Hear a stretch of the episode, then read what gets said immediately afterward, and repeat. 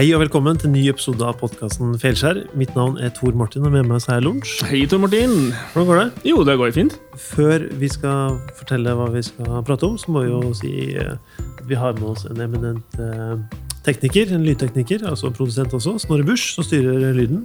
Sørger for at vi har god lyd, klipper det og gjør det klart og putter på podkast-eteren. Det er fint. Men du, eh, vi starter jo kort med å oppsummere hva denne podkasten handler om. Hva, kan du gi meg en setning på hva vi holder på med? Eh, Senk få Ufarliggjør, senk skuldrene, ufarliggjør det og gå litt Altså det å ja, ta mer risiko, egentlig. Ja. Jage etter å være flink og jage etter å prestere. Det er helt greit å feile, og det er lov å gå på trynet. Så lenge du lærer av det. Tror ikke? Jo, jeg tror, jeg tror det er viktig. eh, Og i dag så skal vi ha med en fyr som har et og annet å si om eh, hvor viktig det er å prate om åpenhet. Det tror jeg kan være interessant. Det er Åsmund Seip. En fyr som ble tidlig så starta som grafisk designer. Han har starta og drevet et designbyrå i Berlin. Han har vært frilanser i mange år.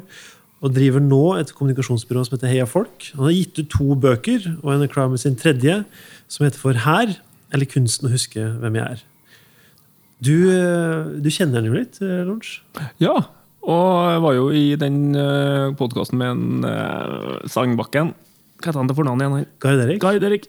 Der er blant annet var en av tingene som jeg sa hadde gjort meg glad siste uka, var jo det at en eh, Åsmund hadde plan om å få, få, få ut denne boka her. Som jeg sa allerede da, at han betyr mye for meg, Åsmund, så jeg er nysgjerrig på om han snakker litt om ting jeg ikke vet om i dag. Da. Vi får se. Hvis det er noen som lurer på hva den lyden er i bakgrunnen, så er det en ekstrem storm som er på vei innover i Trøndelag.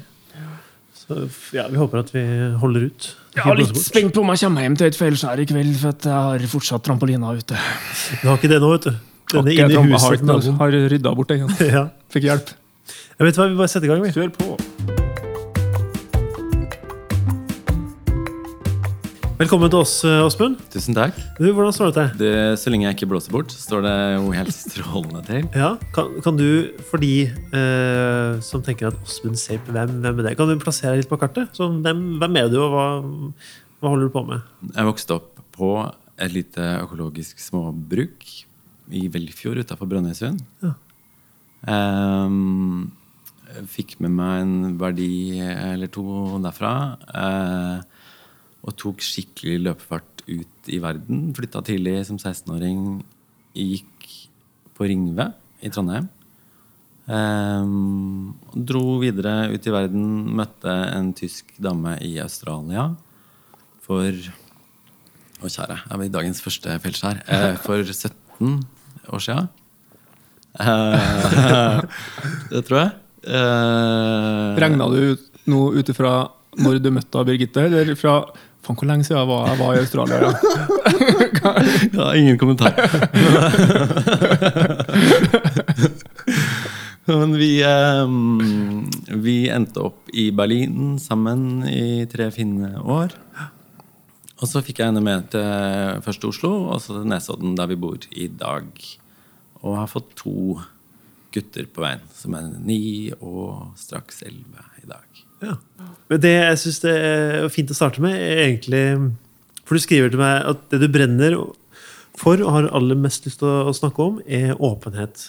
Eh, Og da er det åpenhet om feil som du gjør, men også åpenheten for å frykten å gjøre feil.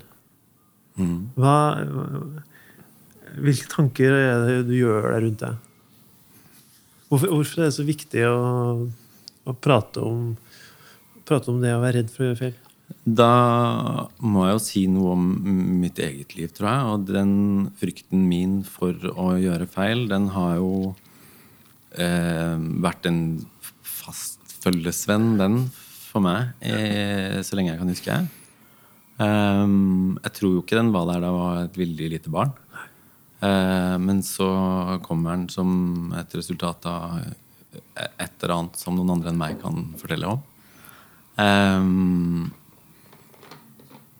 og så står den jo i veien, da. Um, og holder meg vekke fra å gjøre, å gjøre det jeg elsker, og uh, blomstre, holdt jeg på å si. Ja. Um, og så etter hvert som jeg på en måte har blitt kjent med min egen frykt, og lært meg noen triks på veien om, om hvordan jeg kan ikke nødvendigvis bli kvitt den, men leve med den, så ser jeg, syns jeg og jeg ser at det er ikke bare jeg som har det sånn. Og det er ikke bare jeg som sitter fast i det.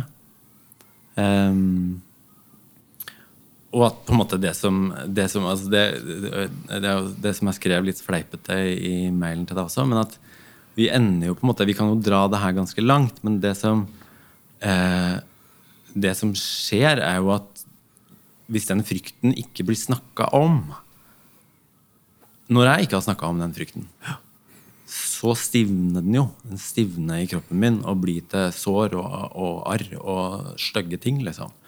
Som jeg går og bærer på, og som Og som eh, Og som gjør meg til et, et, et, et Hva skal jeg si?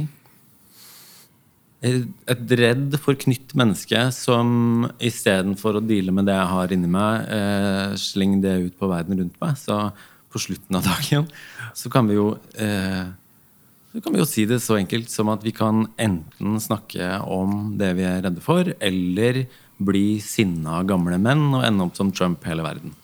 Ja, ikke sant? Eh, hele gjengen. Så da, så da, da er vi ved at å snakke om frykt og feil er et fredsprosjekt, intet mindre. Oi! Hæ? Men, men du, er, du er jo et skapende menneske. Mm. For du har jo skrevet uh, bøker, du er filmskaper, designer, gründer. Uh, så du har jo du har jo et behov for å lage ting. Uh, hvordan kolliderer det behovet for å lage ting med den her frykten for å gjøre feil? Du, hva skjer da? Hva skjer når du møter den her frykten? Det skjer jo det som skjer akkurat nå, når jeg sitter her. Det at jeg sitter i en stol i en stue nærmest sammen med to fine folk. Og det er ingenting som tilsier at ikke jeg skulle være helt avslappa og ha det helt bra. Men jeg svetter på fingrene, jeg har vondt i magen, jeg presser, det presser i brystet, jeg skjelver litt. Eh, og i mange år så har jo det holdt meg vekke fra å gjøre ting som jeg har lyst til. Um, jeg har Jeg vet ikke fra hvor tidlig, men jeg har i hvert fall fra jeg var ganske ung, hatt en sånn veldig sterk fornemmelse inni meg at jeg skal skrive. Ja. Uh, men det har jeg ikke turt å gjøre før jeg på en måte ble sparka i det av en venn. Og en annen måte å se det på er at det, på en måte, det gjorde for vondt å la det være. da. Klarer du å beskrive litt mer hva frykten er for? Altså Når du sitter her, Er det for at du ikke skal prestere bra nok? Er det, er det, klarer du liksom å putte noe sånn rasjonelt bak det? Det? Eller er det bare en generell frykt som det er vanskelig å plassere? Nå er du inne på noe som jeg syns er veldig spennende, og det er at vi kan Det er det vi gjør i samfunnet. I den grad vi snakker om det her, så prøver vi å rasjonalisere det. Ja. Vi prøver å finne ut av hvorfor er det sånn, hvor kommer det fra, hva skjedde i barndommen som gjorde at jeg sitter her i en stol sammen med dere og er redd, eh, og hvordan kan vi bli kvitt det? Eller for å dra det enda lenger, hvordan kan vi kjempe mot det? Um, det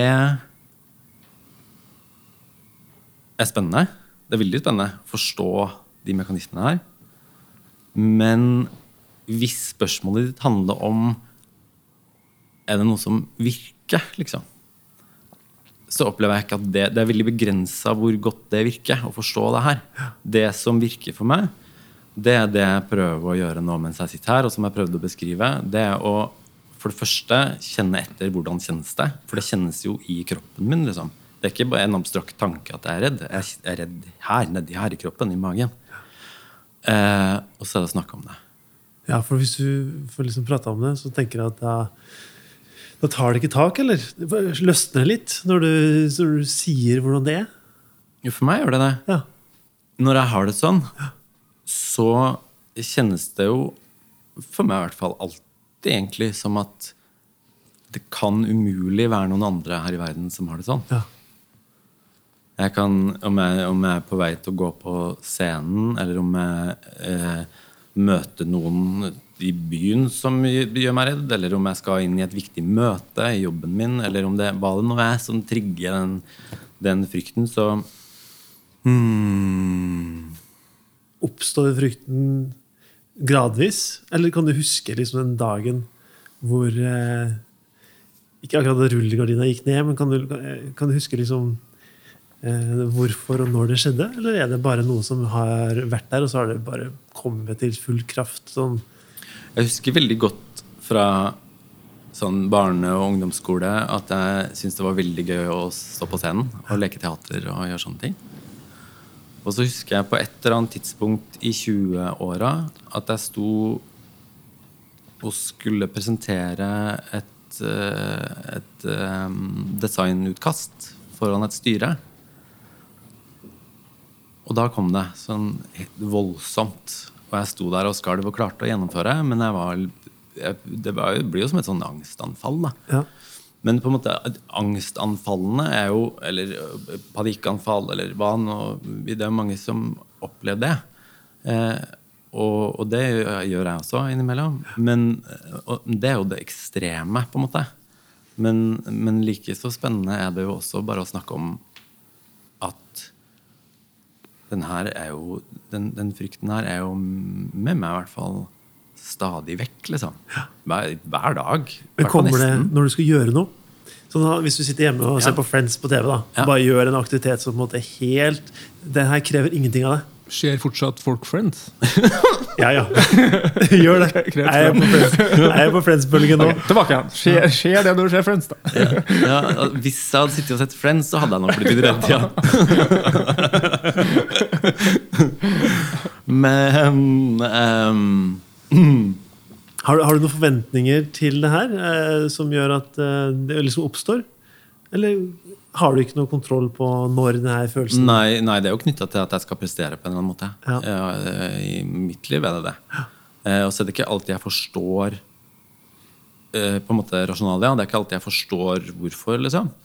Ehm, men, men det er jo som regel knytta altså For en drøy uke siden så sto jeg på scenen. Nå har ikke jeg stått på scenen på en god stund. Um, på verdensdagen for psykisk helse. Um, og skulle lese noen dikt. Og da begynte jeg med det med å fortelle om hvordan det kjentes å stå der. Og ikke bare det, men hvordan det har kjentes et døgn i forveien. Liksom. Og at, hvor mange ganger jeg går på do. Og kanskje litt mye informasjon, men likevel. Altså, sånn, eh, eh, at, at, at det her handler ikke om Og det handler ikke om at jeg trenger sympati for det, men det at um, jeg opplever at vi snakker veldig mye om hvordan vi alle syns at virkeligheten burde være. Men vi kan med fordel snakke litt mer om hvordan den er. Ja. Det, det tror jeg har en effekt. Og det tror jeg jo, og opplever jeg jo når jeg snakker om det her, at andre kjenner seg igjen i. Og da er vi tilbake til det du spurte om i stad. Da kan jeg også slappe av. For jeg er ikke alene om å ha det sånn. Ja.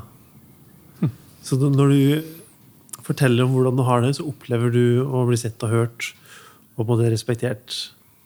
Ja, det er jo på et nivå veldig basic der. Det er jo litt sånn Se her, liksom. Ja. Her er jeg.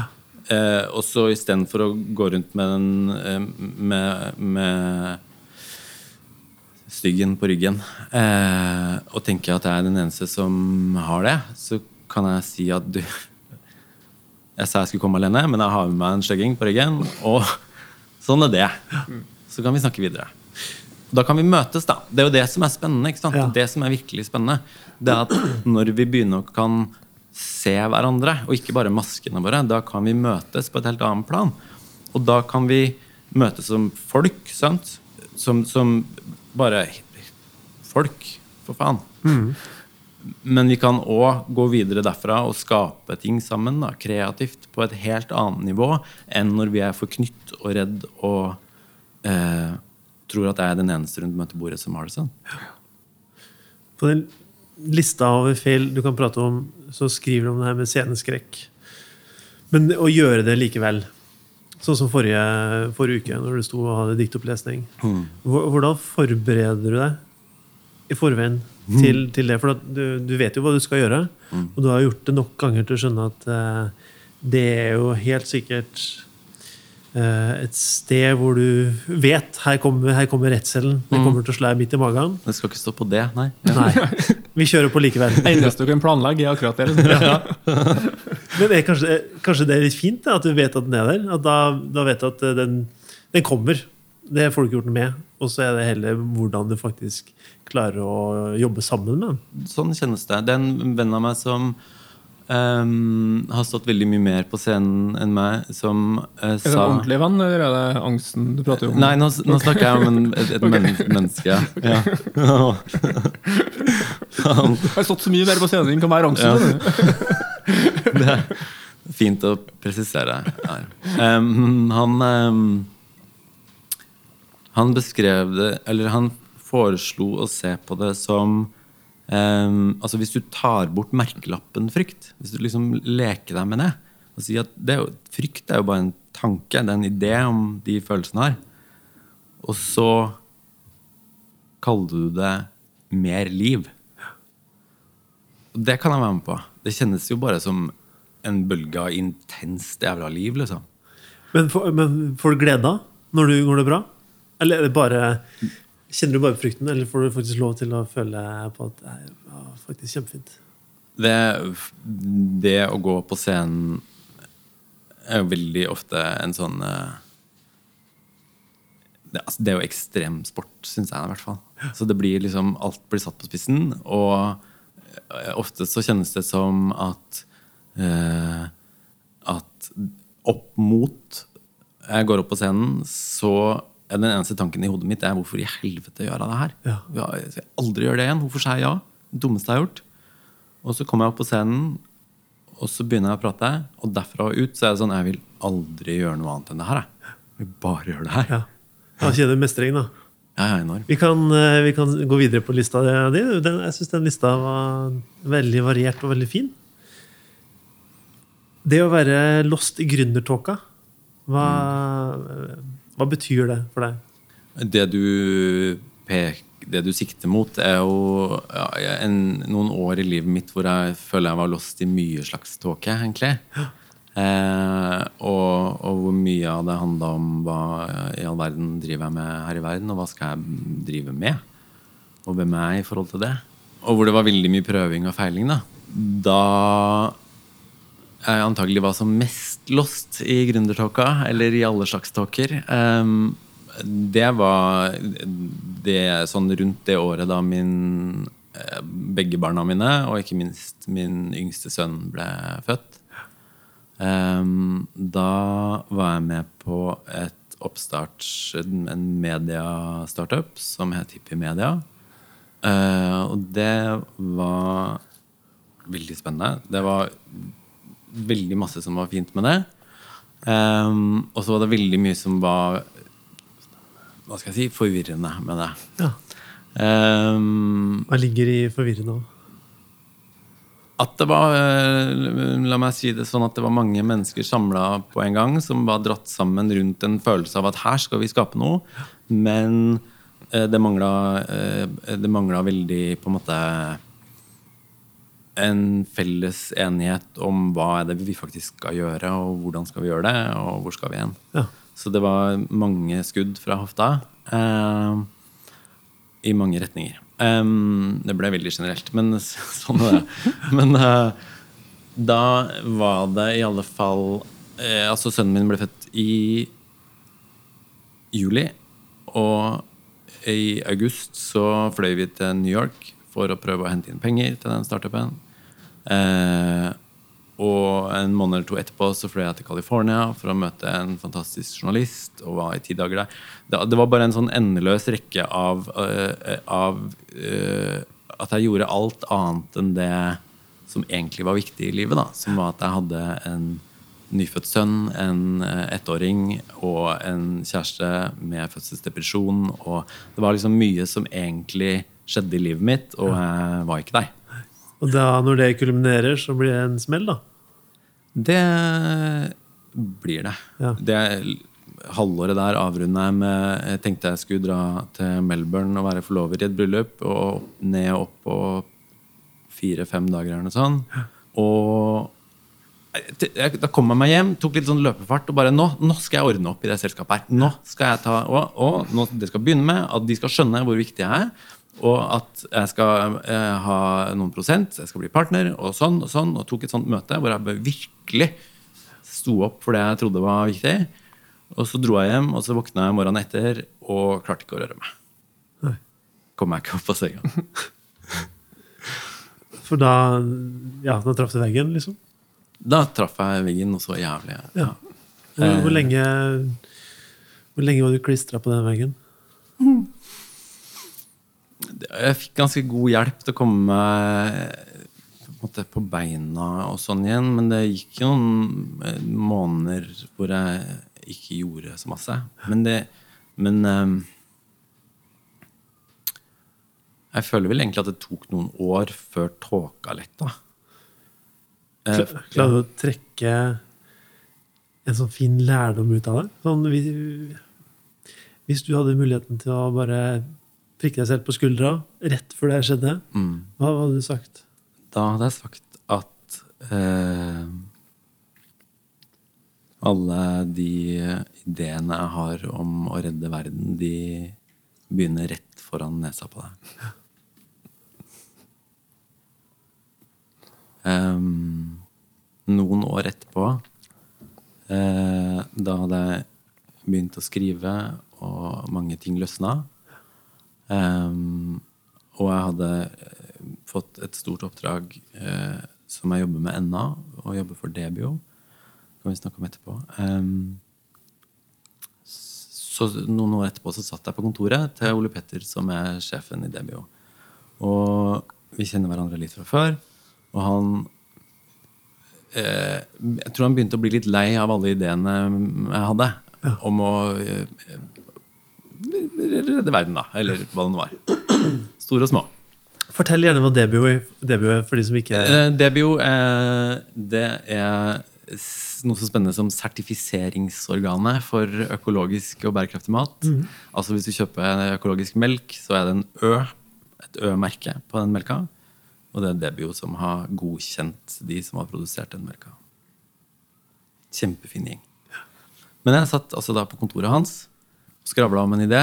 Han ble litt lei, og så tok han eh, en sånn stor, gul Note-it-blokk. Så la han den foran meg, og så skrev han Jeg, Åsmund Seip, skal fra nå bare gjøre det som ligger rett foran meg. Så daterte den eh, frem til et halvt år frem i tid. Det, det, det høres jo banalt ut, men det var et ordentlig vendepunkt i livet mitt, rett og slett. Har du folk rundt deg som måte bidrar med sunn fornuft?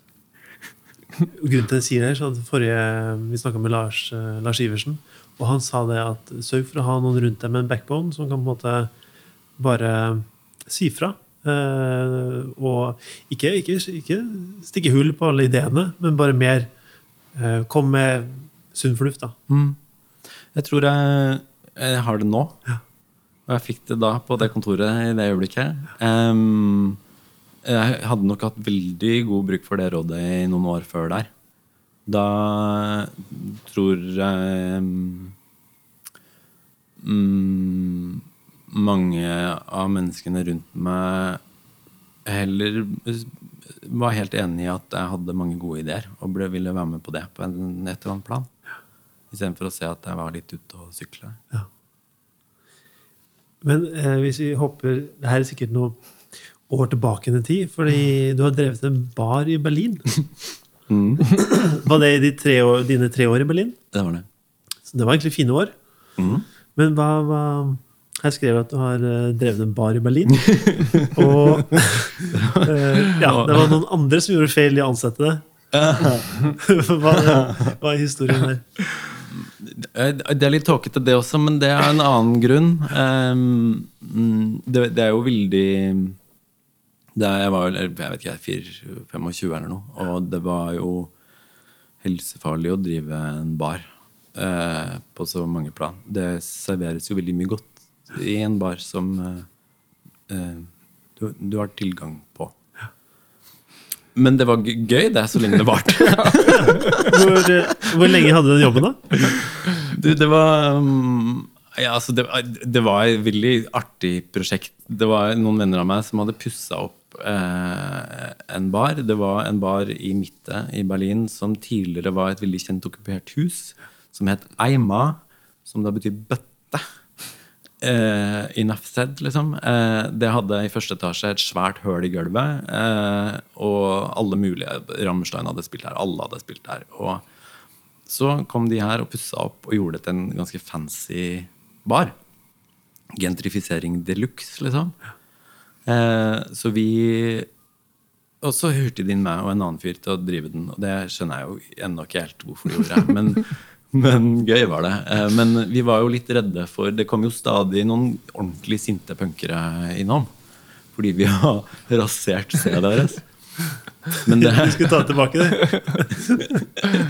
Men eh, ja, det, det verste som Det verste som skjedde eh, i praksis, var en kveld hvor eh, Markus, som jeg drev det sammen med, hadde stengt. Alle var ute.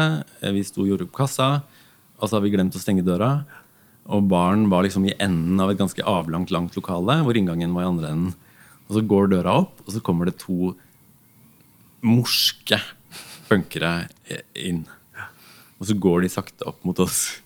Og vi tenker liksom Fuck, hvor er balltreet? Og hva skjer nå, liksom? Og så begynte vi å prate litt med dem. Og så endte vi opp Eller, eller vi, vi hadde jo én ting som fordel. da Det var jo at vi hadde ryggen full av sprit. Så vi kunne jo si Men kan vi gi dere noe å drikke?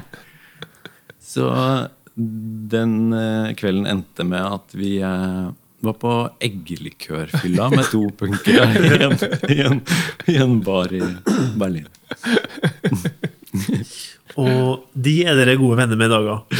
Ja da, Vi møtes stadig for en eggelikør. Årets eggelikørfestival. Jeg skriver, eh, eller jeg ser at du skriver også at du sier at du er en dropout, altså at du ikke har fullført eh, videregående. Men betyr det at du er autodidakt? Altså et annet ord som vi har lært oss på denne podkasten. Altså selvlært? Ja, ja, jeg gikk jo tre år på videregående, men jeg hadde mangla det ene og det andre, så jeg fikk aldri noe papir på det. Um, og ikke studert noe altså jeg, ene tanken jeg hadde da jeg flytta til Berlin, var å studere design. Uh, og så møtte jeg en som var på vei til å fullføre det studiet som jeg tenkte å gå på. Og så starta vi det som ble et designbyrå på stua. Um, men ja, autodidakt. eh, Ja jeg, ja, jeg må vel si det. Men det her designbyrået i Berlin, det, det var solskinnshistorie, eller? For det ser jeg at det er ikke på lista di. Det, det hadde elementer av alt sammen, det. Em, det, var, det var veldig sånn fint. Det var han og jeg som begynte typ i stua, og så kjøpte vi et skrivebord, og så kjøpte vi et til, og så var vi i gang, liksom. Eh, og så flytta vi til Oslo, og da fikk jeg med meg en eh, til etter hvert i Oslo, og så fikk jeg med en til og enda en til, og så ble vi vel seks eller sju til sammen, og to kontor. Eh, og det var jo kjempegøy. Um, også Altså, det som skjedde for min del, var at jeg Jeg jobba og jobba og jobba. Og bygde det opp sammen med de andre. Og så begynte det å bli stort nok til at jeg satt og var daglig leder, og jeg skal det, det, Ja. Eh, det vil være en feil å sette meg til for mye papirarbeid, for å si det sånn. Em, så jeg fikk en venn til å komme og bli daglig leder for oss. Og så endte jeg opp selv med å bare å sitte og produsere, istedenfor å på en måte være han som løper foran. Vi var unge, eller jeg var ung, og og naiv og veldig uerfaren. Visste ingenting om å drive selskap og om eh, liksom, dynamikk mellom mennesker og hvordan du utvikler ting. Og så for meg så kulminerte det med at vi fikk første sønnen vår. Og da kjente jeg bare på liksom den der det møtet med sånn utrolig meningsfullhet i den delen av livet. Og så gikk jeg på jobb og følte at det var helt meningsløst. Og så slutta jeg. Ja. Så da forlot du på en måte noe som du har vært med å starte selv? Da forlot jeg noe som jeg har vært med å starte selv. Og det, det, når vi snakker om feil, så kjenner jeg at det, eh, det ville jeg nok gjort på en penere måte i dag enn ja. bare å si sayonara, nå stikker jeg, liksom. Og, og jeg skulle jo, det, det, er mye jeg ville ha gjort annerledes jeg starta eller drevet det byrået i dag.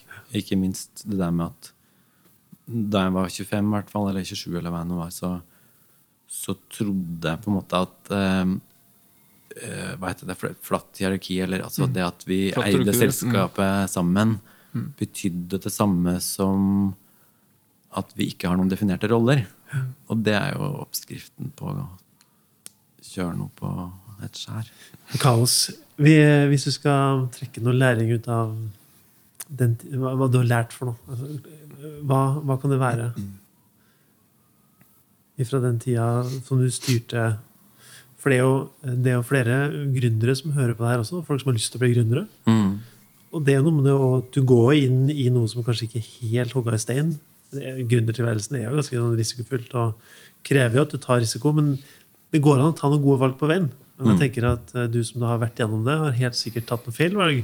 Mm. Og sitter igjen med noen betraktninger rundt eh, ja, det som kan være lurt, kan f.eks. være mm. hva, hva, hva, kan du si om det? Mm, jeg tror jo Du har jo referert til noen andre allerede i dag som snakka om det med å ha kloke folk rundt deg. Og det tror jeg er det aller viktigste. liksom. Å ha noen du kan snakke med og spørre om råd og så videre. Hvis du er Hvis du er på en måte mm, Det er jo så mange måter å gjøre det på. Men det er jo, men det er jo mange ledere eh, også som, en, som, i virkeligheten føler seg innmari ensomme. Sant? Fordi det, det der å gründe og lede og drive noe, det er, det er på ett plan en ensom jobb. Eh, så det der med å ha folk å snakke med både i det personlige og i det liksom Finne finn ut hva er blindsonene dine. Da. For, for, min del så har jo det vært i den sammenhengen mye sånn altså Der mangler jeg jo helt klart kunnskap. da. Eh, kunnskap om organisasjon som jeg ikke var i nærheten av å ha. Nå skal jeg prøve på bro, og så får vi se hvor heldig den blir. Mm -hmm. For eh, hadde du noen fornuftige folk rundt deg når du var med og satte i gang konferansen Failcon i Oslo? Da hadde jeg veldig mye fornuftige folk rundt meg. Ja. Eh, så det, det, der er ikke en lang historie jeg har å fortelle om det. Men, eh, men den passer jo siden den har med feil å gjøre. Jeg, hei, den ble jo arrangert bare én gang. Hva, hva, er det for noe? Det er en amerikansk Silicon Valley-konferanse som handla om akkurat det samme som podkasten deres gjør. Mm. Oh, ja. La oss lage en konferanse og få folk opp på scenen og fortelle hva som skjedde da de gikk på trynet. Er det her liksom før uh, Fuck Up Nights? Ja, det er det ja. vel. Ja. For det er, det er ikke så gammelt, det. For det husker jeg på du prata med meg om, og det må vi møttes i 2010-2011, kanskje. det var helt i starten her. Så det må være 2011-2010 draget her også. Ja. Ja. Nei, veldig, veldig kult initiativ. Eh, folka som i dag driver eh, hva heter det, sosial entreprenørskap, inkubatoren So Central. Ja, ja. Eh, nydelig gjeng. Og for meg så handla det vel bare om at eh, um, At jeg virkelig begynte å trenge å ta en fot i bakken på hva er det jeg skal drive med her. liksom. Og det å drive en konferanse fant jeg vel ganske greit ut at det kunne jeg sjekke av lista. Det skal ikke jeg få meg. Det skal du ikke gjøre. Så det, ja. Hva, hva gjør du i dag, da? Hva gjør du nå? Nå har du jo lært masse om ting du ikke skal gjøre, så du, har jo, du må jo havne et eller annet sted. Mm. Vi gjør jo det, gjør vi ikke det? Ja. Um, nå har jeg jo havna et sted hvor jeg har eh, fulgt rådet til, til sjefen i Debio og prøvd å gjøre det som ligger foran meg, et skritt av gangen. Eh, så i den delen av livet mitt så går det veldig fint. Jeg har, ikke, jeg har vært flink gutt og ikke blåst opp en eller annen idé til et eller annet luftslott, men lagt stein for stein for stein som frilanser. Lagd laget et selskap etter hvert som heter Heia Folk. eh, ansatt én i første omgang. Så blir det noen flere etter hvert. Men det skal få lov å holde seg lite og eh, Dynamisk, er ikke det dette? Nei, te- teit ord. Men altså eh, Det skal få lov å holde seg lite. Hva vil du med det selskapet? Jeg heier på folk, så klart. Det, det, det, det er jo opplagt. Eh, Ja. Sorry, noen spørsmål? Hva i verden er så dumt menneske er det? Nei, det jeg vil, eh, det jeg vil, er jo å bruke det jeg kan, og det fine folk rundt meg kan, som er kommunikasjon. Da. Det er mer og mer film vi jobber med. Og gjøre det eh, til å heie på bra folk og bra ting. Og for meg nå så handler det veldig mye om økologi og bærekraft og den sektoren, men bra folk finnes overalt. Eh, Så det er jo den ene delen av, av, livet. Den andre delen av livet eh, som, som ja, De har lenge vært sånn veldig to univers som har vært to planeter langt unna hverandre. Nå er de veldig mye nærmere. Det er deilig. Eh, Det er at jeg skrev, skriver poesi. Og har skrevet min første bok på norsk. Um, som, er, som er midt i folkefinansieringa, som det heter på norsk. Eh, Hvilken plattform da? Eh, Kultura Bank heter det. Ja. Eh, Så det finnes flere forskjellige. Kultura Bank er en sånn etisk bank som har mye fine, fint ved seg. Så de har en sånn plattform som vi bruker. Men den boka, hvordan Hva, hva, hva handler det om? Det er, jo, det, er det poesi? Det er poesi. Og bruker du deg selv? Sånn Handler det om handler, Eller hva handler det om? Trenger ikke å gjøre spørsmålet verre enn det Nei, ikke sant? Hvilken bok er det egentlig? Det handler om Det er jo alltid det letteste spørsmålet å svare på for en kunstner. Da. Hva handler kunsten din egentlig om? Jo, altså, nå skal du høre. Um, Tittelen sier jo eh, allerede litt om hva den handler om. Den heter, som du sa i stad, 'Her', eller 'Kunsten å huske hvem jeg er'. Um, på et plan så er det det vi har sittet og snakka om her i dag, egentlig. Det å huske å glemme hvem vi er. da. Eh, jeg bruker meg selv veldig i poesien jeg skriver. Ehm, jeg kan ikke noe annet. Jeg syns det er fryktelig kjedelig å skrive om ting som ikke kommer fra livet, da. Ja. Ehm, så det er jo forsøk på å skrive sant og nakent og ærlig om hvordan det kjennes å være menneske, på en måte som folk kanskje kan kjenne seg igjen i. Men den første, men første boka, di, Mm. 100 Days of Love, det starta med egentlig nesten litt sånn dagboka di. det. Var Ja. det? Ja, det starta Ja. som, et, som en, en blogg. Ja, det stemmer. Ja. Du, Det du blogga, en- du det var blogga sånn- hver dag i et slags sånn dikt bloggformat. Ja. Ja. Det var en, en venn av meg som hadde gjort det fra før. Som en sånn eh, Ja, som, som, som fikk meg til å gjøre det. Og så sa jeg det tør jeg faen ikke, men jeg skal gjøre det i ti dager. Ja. Og så gjorde jeg det i ti dager, og så ok, da. Og så gjorde jeg det i 100. Og så og det er en annen venn som heter Camilla Jensen, som er fotograf, som sa her, det her er en bok. Ta bildene mine. Vi lager en bok. Så gjorde vi det. Og så, ja, så matcha du deg med en musiker? Og for rundt og foramført. Ja, det kom, Vi gjorde det en gang med den boka, så kom det veldig mye mer eh, med den andre, som heter 100 Days for the Earth. Ja, stemmer. Ja, stemme. Det var den jeg var på Dekoratet, tror jeg. Og, og den du var på TEDx. Og, Mm. ja, stemmer. Det var fra Ja. Og i den Ja, prosessen. ja. Så du bruker jo veldig deg sjøl på en måte i, i språket ditt og måten ja. Mm. Mm.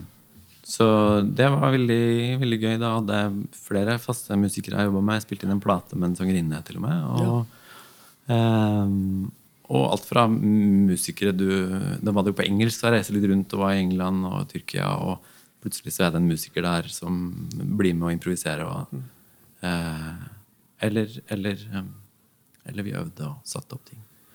Men eh, jeg skal nok øh, opp på scenen med den boka her også. Nå det, Den kjennes som litt mindre performance, liksom, og litt mer det å gjøre litt det vi gjør i dag. liksom. Snakke om livet og, og lese noen dikt som passer inn i det. Var det enkelt å skrive den. Oi! Prøv å skrive diktbok sjøl, da. Det er, det, er hans, det er hans tredje bok. Jeg tenker, eh, fordi du slår meg som en som eh, har ganske god tilgang da, eh, til de tankene her i, sitt eget følelsesliv. Så når du da skal skrive om deg sjæl i, i den sjangeren poesi, så ser jeg for meg at eh, du skal ikke gå langt for å hente det ut. Men spørsmålet er bare når du får henta det ut, og du får sett det på en måte foran deg, om det blir eh, For da må du nesten ta et oppgjør med deg selv, egentlig. Og jeg bare lurer på, er det, er det en stor kamp for deg, eller er det faktisk noe litt sånn forløsende å bare få det på papiret og nesten få dokumentert et sånt indre eh, sjeleliv? Det er forløsende å skrive. Eh, Det er jo prosessen For meg så er det veldig prosessen for å komme dit at jeg kan skrive. Den er ikke enkel. Nei. Eh, Men den er ikke, det er ikke noe sånn Det er på ett plan veldig kjedelig, for det handler om å vente, liksom.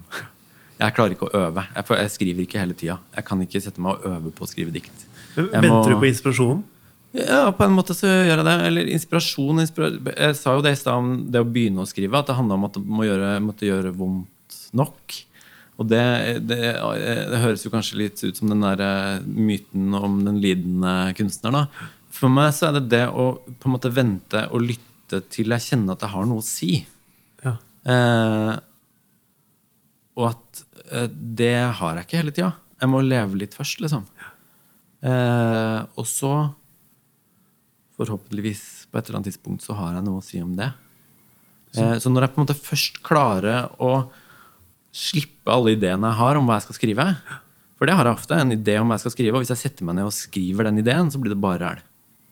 Men hvis jeg kan pælme det, sette meg ned og holde kjeften min lenge nok til at det som på en måte vil skrives, da, i mangel av bedre ord, kan få lov å komme ut, da Da er det veldig ja, forløsende. Deilig. Så det verste for deg er å få en deadline på sånne typer prosjekter? På sånne ting så går det, Og det å skri, skrive poesi, det kan jeg ikke ha deadline på. Det er bare å glemme. Ja. Jeg elsker jo å ha deadline i, ja, i, i, i den andre delen av livet, da. Eh, da er det helt nødvendig. Men i det der som kommer helt, helt innenfra, da eh, Nei, det funker ikke på sånn måte. Og så er det en annen ting på den lista jeg som jeg er litt nysgjerrig på. Ja. Jeg har sett at du har vært og spist en bedre middag med lunsj på Credo. Hva, og så står det Jeg vet ikke om man skal le av det, men oh, jo. Men eh, Credo har jo nettopp fått eh, stjerne, og, og er jo et fantastisk sted. Eh, og hvordan, hvordan ter det seg når man får et angstavfall på Credo? Det, det, det syns jeg man kan le av. Det er viktig å le av det.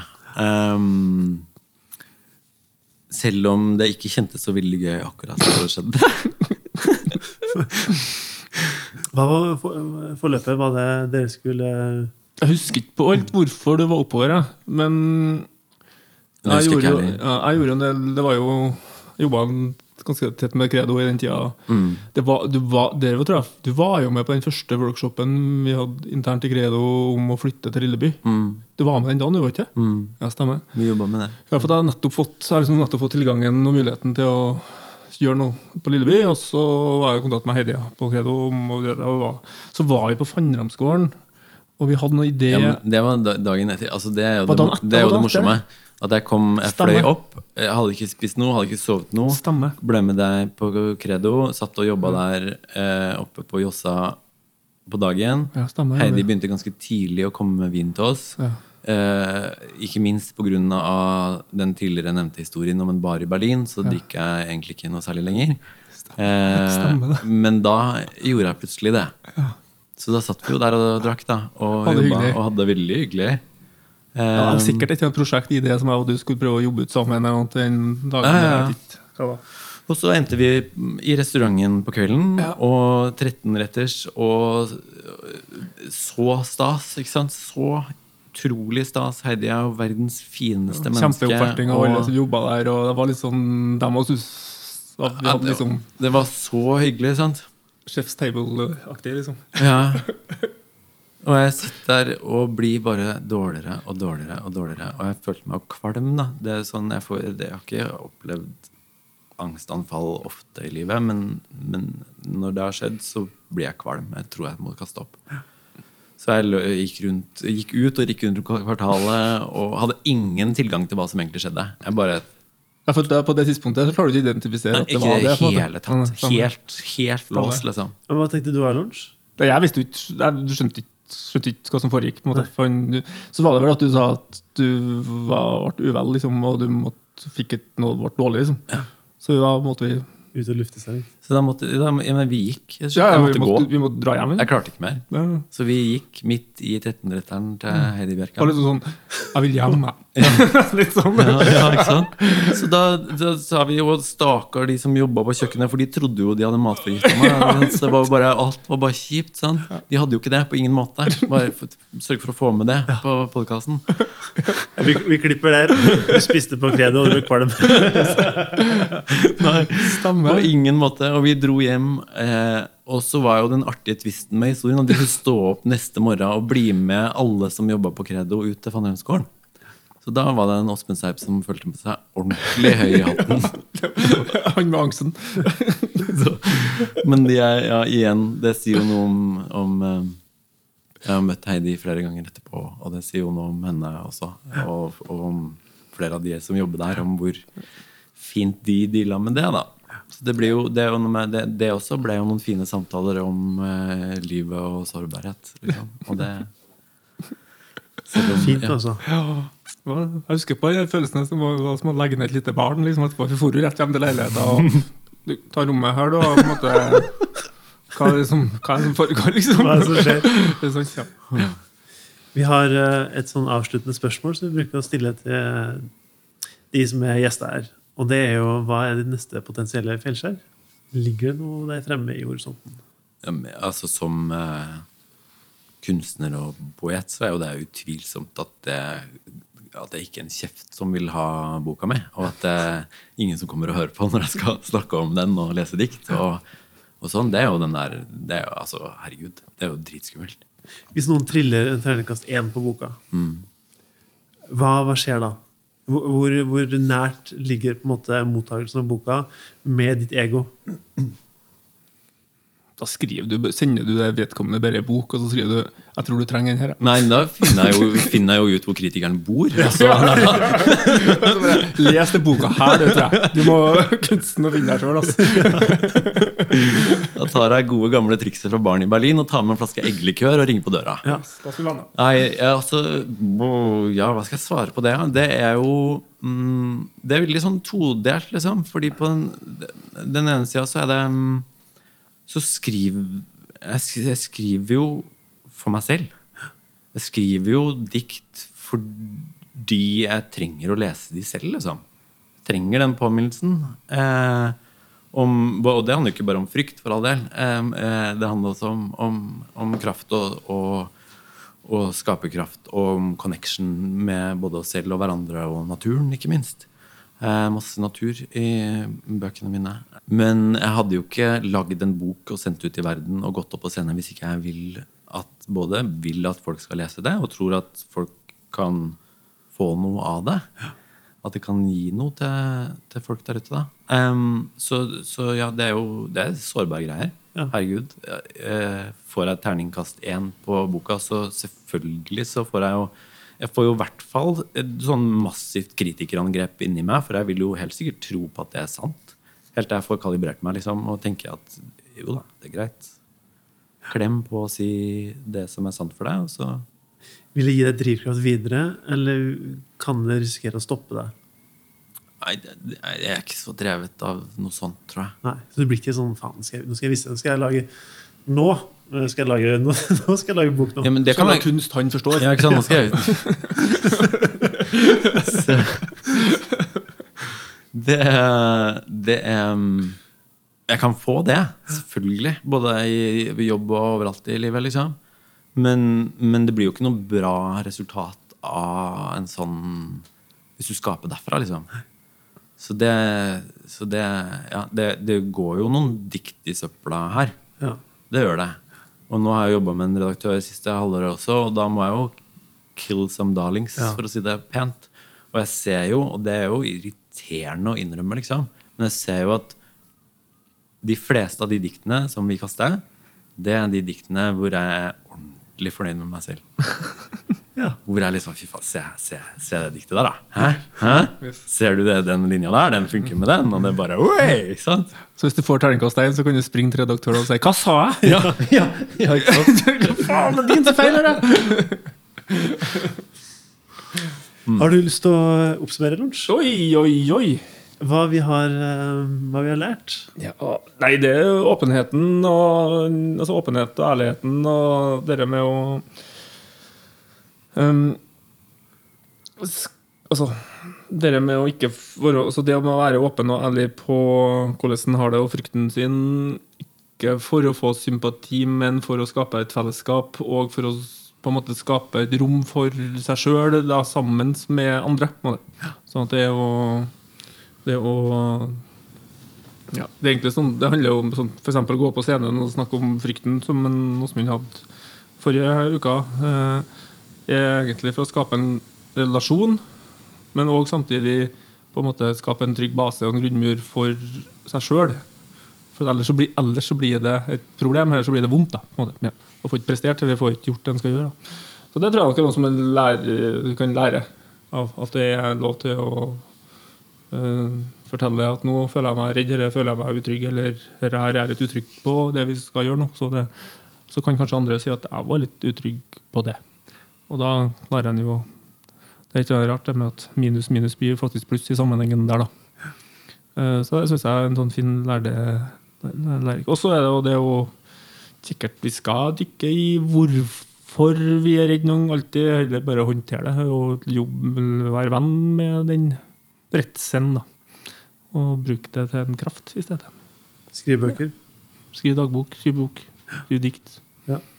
Skape noe. Ja, jeg jeg liker veldig godt at du er åpen, og at du gjør det til en styrke og ikke til en svakhet. For det er jo mange som er veldig redd for å vise følelsene i form av at herregud, da skal de klare å se hvem jeg egentlig er. Som gjør at du blir kanskje målt litt mindre enn du egentlig er, fordi at eh, det her skallet ditt uh, brister da, når du sier at vet du hva, det her er jeg redd for å gjøre. Jeg er redd for å stå på en scene og prate om det nå. Men du gjør jo det. Uh, Og bare det viser jo først og fremst at du klarer å være ærlig, men også en enorm styrke på at du faktisk gjør det på tross av at det føles Hele kroppen stritter imot. da. Og det tror jeg folk som ser på, eh, kan, kan respektere og kjenne seg igjen i. Så det er viktig tror jeg, å ha folk som tør å si det. Fordi flesteparten av oss tør det ikke, men vi kan kjenne oss igjen i det. Det ligger utrolig masse kraft i sårbarhet. Da har vi kommet til den delen av podkasten som heter for avskjedsgave. Og det er jo da hvor vi spør eh, hva er det som gjort deg glad denne uka. Eh, Åsmund, du kan jo få lov til å starte. Er det noe spesielt de siste syv dagene som har måttet ha fått hjertepumpa til å ta et lite ekstra slag? Noe som har gjort meg ordentlig glad den siste uka, er jo det at jeg står midt oppi Vi snakka mye om sårbarhet i dag. da. Jeg står jo midt oppi å folkefinansiere den boka vi har snakka om. Og Det er jo å gå ut i verden og si 'hei, se her', da.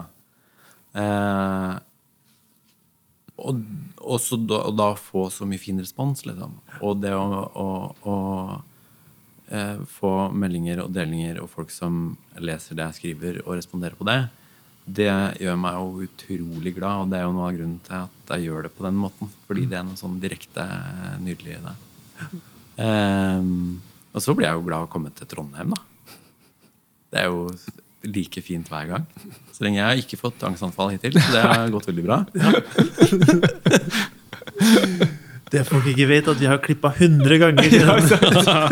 Ah, vi, nå, Sju timer stormen er over. Og knuller. Ja, Ja, bra. Du har lunsj? Jo Jeg har litt lyst til å si og en kjapp liten ting. Da. Det er i til det selskapet som Åsmund har, som ja, heter Heia Folk. Altså Egentlig hele navnet, ordet og, og domenenavnet og konseptet er ikke konseptet som er i dag. Men Heia Folk var jo, starta jo egentlig med et feilskjær. Der jeg hadde posta et eller annet på Facebook om et eller annet greier som media fanga opp og eh, skulle liksom ble plutselig eh, Så var ja, både Adresseavisa og det var noen greier. Og så ble jeg ringt av TV 2 om jeg kunne komme på et TV-program der som heter Ettermiddag. Og da syntes jeg det ble litt sånn teit at jeg skulle snakke om det greia her. liksom. Og så ble jeg så redd for å bli han Facebook-mannen. så jeg ringte Åsmund og sa «Eh, faen Åsmund, jeg er litt så sliter nå, jeg vet ikke helt hva jeg skal gjøre. det her. Og så ringer Åsmund tilbake. Dors, jeg har kjøpt et domenenavn som heter Heiafolk. Så skriver jeg en eh, sak om det. så ble jeg liksom, jeg, og der starta det Heiafolk, der du skrev en rekke artikler om eh, folk du heia på. Mm. Så jeg er veldig veldig glad for at du da har tatt, tatt opp den igjen. på en måte. Eh, og jeg er jo administrator på Facebook-sida di, bare så du vet. Ja. så jeg får inn alle innkomne bare, Faen, så sa det. Ja. For at det, ja, det er jo mange- det er jo sju-åtte år siden allerede. Mm. Så eh, veldig morsomt du sa at han Det, det gjør meg glad. At ja, så Åsmund så Lunsj er den første fyren som ble heia på i Heiafolk? Ja. Det er jo litt morsomt, da. Heia lunsj. Ja. Men du skrev ikke den selv, ikke sant? Nei, gjorde ikke det. Gjorde ikke det. Det var en Åsmund som ordna den. Så det var en veldig sånn Så fin, det var en veldig sånn fin art eh, serie òg. Men øh, ting som har gjort meg glad siste uka sånn, altså Det er jo morsomt å kunne tipse om noe til noen som kan ta del i, men jeg kjenner sånn ordentlig at det har gjort meg glad. Eh, det at, jeg snakka bitte litt om det før òg, at vi er på vei til å få opp et uh, sånn noe rundt dette selskapet O-fag igjen. Uh, og vi er i disse, når dette blir sluppet, så er vi vel litt sånn hatt første runden møtet vårt en gjeng med de menneskene i området rundt der jeg bor som jeg har mest lyst til å henge med, og mest lyst til å drikke øl og prate fag med, og som sitter i etablerte jobber, og som er så vi får ikke møttes så er det ofte å drikke øl og ha det hyggelig på kveldene. Så vi har prøvd å sette i litt sånn system der vi møtes så så ofte. Og, ja. Så det er, jeg er sånn ordentlig glad for, kjenner. For det er så bra folk. Jeg er sånn beæret av at de helt tatt vil leke med oss. på en måte. Så det gjør meg ordentlig glad, kjenner jeg. Ja. Ja. Så bra. Mhm. Men Ja. du, har vært øh, og sett øh, Jokeren på kino. har du sett det? Og øh, den filmen gjør meg ikke glad. Eh, Men det at det lages sånne filmer, gjør meg glad. For jeg vet ikke om jeg, jeg likte den, egentlig. Eh, Men det er fordi at eh, jeg har jo et forhold til hvem jokeren skal være. Jokeren skal være liksom lynintelligent og være liksom en sånn master puppeteer. Og han skal være liksom den lureste skurken som lurer liksom alle sammen i Gotham City. Eh, den jokeren her er jo Han er helt sjuk. Han, er, han er mentalt syk i hodet sitt, som gjør at han har, han har jo ikke kontroll over noe som helst. Eh, og når han gjør handlingene sine, så er det jo han, han, det, Ja, det er jo ikke for at han er ond eller slem. Det er jo fordi at eh, han ikke får medisiner. Og da tenker jeg at enten så begynner vi å nærme oss skummelt, liksom likt liksom vår egen virkelighet. Og, da, og det å mikse det med liksom superhelt uh, det, det, det er rart. Uh, så jeg, jeg vet ikke hva jeg syns om filmen. eh, men jeg synes det Men scenen. Ja, håndverket er jo kjempebra. Og så tenker jeg at folk må jo få lov til å se noe og gjøre opp sin egen mening.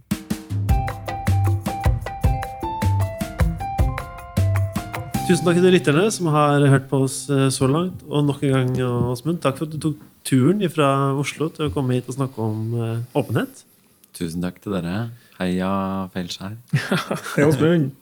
For de som eh, har lyst til å følge med på den boka di, hvor, hvor, kan man eventuelt eh, være med å støtte opp, eller hvor kan man kjøpe den? Den kan du eller letteste er å gå inn på asmundseip.no. Eh, jeg bruker en hashtag som heter poesimedisin. Eh, så det er vel det letteste å finne det gjennom. asmundseip.no. Der finner du crowdfunding-kampanje og alt sammen. Ja, men da syns jeg at folk skal ta seg en tur dit. For de som hører på, så må de gjerne ta kontakt og tipse oss om hvem vi burde prate om. Prate med, ja. Ikke noe om. Prate med? ja. Nei, nå er, vi, nå er vi lei av å prate om feilskjær. Kunne ikke bare prate om noe nå. Kan ikke dere prate om bærekraft? Og hvis du har tips da, til hvem vi skal prate med, så send oss en mail på fjellskjær.uredd.no, Eller så kan du gå inn på Facebook eller Instagram. Du treffer oss der også. Og gi oss gjerne en rating eller en tilbakemelding der du hører på podkasten. Fordi at da gjør det at folk finner oss lettere, og så betyr det mye for oss hvis vi vet hva folk eh, synes. Podkasten er produsert av Uredd og Lydsporet Media og kommer ut da hver søndag. Takk for i dag.